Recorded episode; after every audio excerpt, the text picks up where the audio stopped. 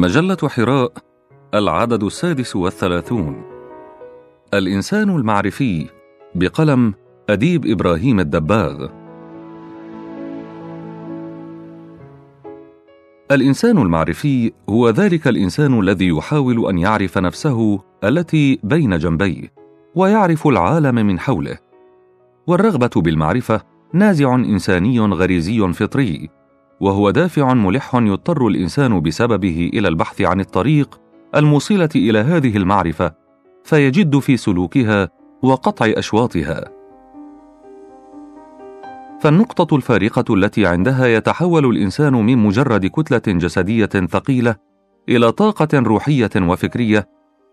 هذه النقطة الفارقة هي عندما يخطو الخطوة الأولى في هذا الطريق فيغدو شكلا آخر من أشكال الرقي الإنساني التي تتوخى الإنسانية ابتعاثه إلى العالم من بين أبنائها لكي يكون تاجا على رأسها تزهو به وتفخر أمام الكون والكائنات.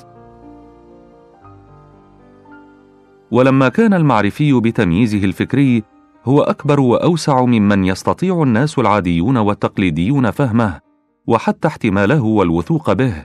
لذلك وكرد فعل من جانبه يبدأ بالانسحاب إلى أعماق نفسه ليمحص فيها أفكاره ويراجع معارفه وثقافاته. وقد يمضي في طريقه المعرفي وحيدا متفردا دون شعوره بالحاجة إلى البحث عن رواد كبار كانوا قد مروا بالطريق نفسها من قبل لكي يأنس بهم ويستعين بوجودهم على معرفة الطريق ومسالكها وشعابها وسهولها وحزونها.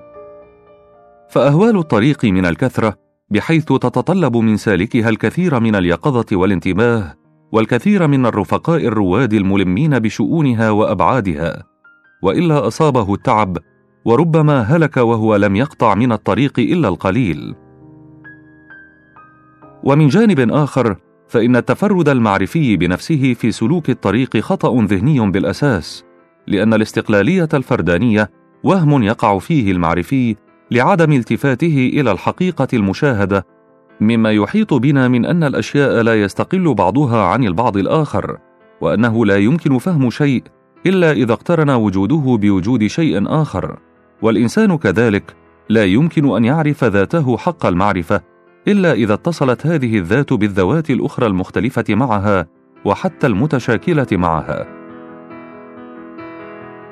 والمفتاح الذي يديره المعرفي في مغاليق ما يواجهه من ايهامات معرفية وإشكالات وجودية وهو يقطع الطريق إلى هدفه. إنما هو أي مفتاح فعالية ذهنية مضنية تهز أعماق مداركه ليحظى من بعدها باللحظة المضيئة التي تضيء له معضلات الطريق وترشده إلى وسائل تجاوزها.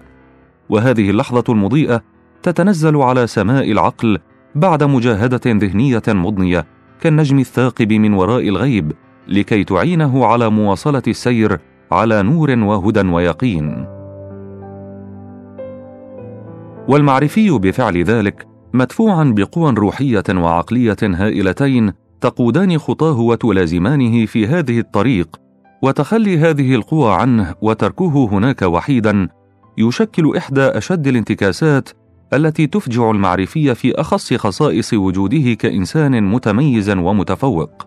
ونموذج مثال واقتداء في اكتشاف حقائق العقل واكتشاف ما تنطوي عليه الروح من عوالم لا زال اكتشافها سرا من أسرار أصحاب عظماء الروح في هذا العالم.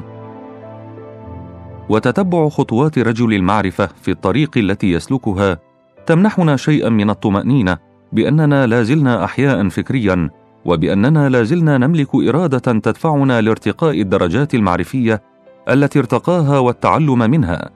وبأننا بهذه المتابعة نكفر عن الأيام التي انشغلنا فيها عن اللحظات القدسية والانتشائية التي نحظى بها اليوم من خلال مشاركتنا لرجل المعرفة باهتماماته المعرفية العالية والإعجاب ببصيرته المدركة النافذة إلى ما وراء هذا العالم. والذي يجعل أذهاننا تستمتع إلى حد الانتشاء بالتماعات أفكاره وانعتاقاتها من سجون الأرض الدنيا إلى صروح الروح التي يقيمها من مقالع فكره وروحه.